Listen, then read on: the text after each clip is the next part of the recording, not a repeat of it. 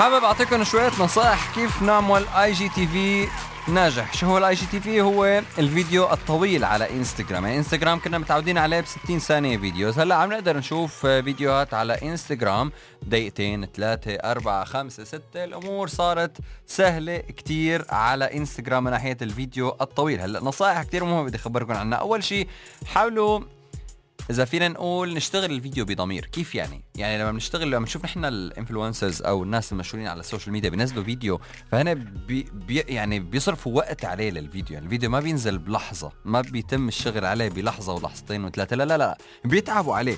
فاللي بدي أقوله خلينا نتعب على الفيديو نختار ال location المناسب نحاول نعمل له edit بطريقة ذكية شوي طريقة تكون interesting الأشياء المهمة ما نكون في آه نلاحظ فيه اللقطات ما لها لزوم مثلا. نحاول نستعمل صوت حلو خلفية موسيقية طريقة حلوة. يعني نحاول نركز إنه الصوت مهم بأي فيديو.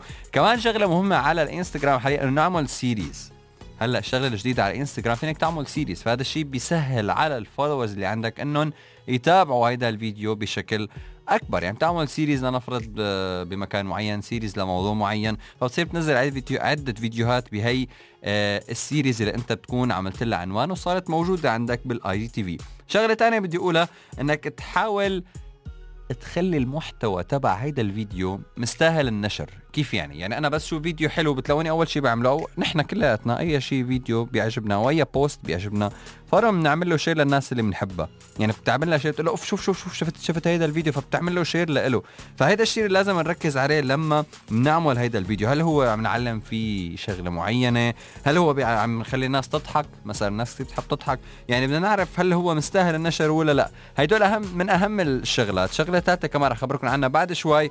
بعد ما نسمع عمرو دياب يوم ثلاث مساكن ولا أحلى من هيك. إمتى آخر مرة نزلتوا IGTV على انستغرام وشو كان الموضوع؟ خبروني. مساكن حلو.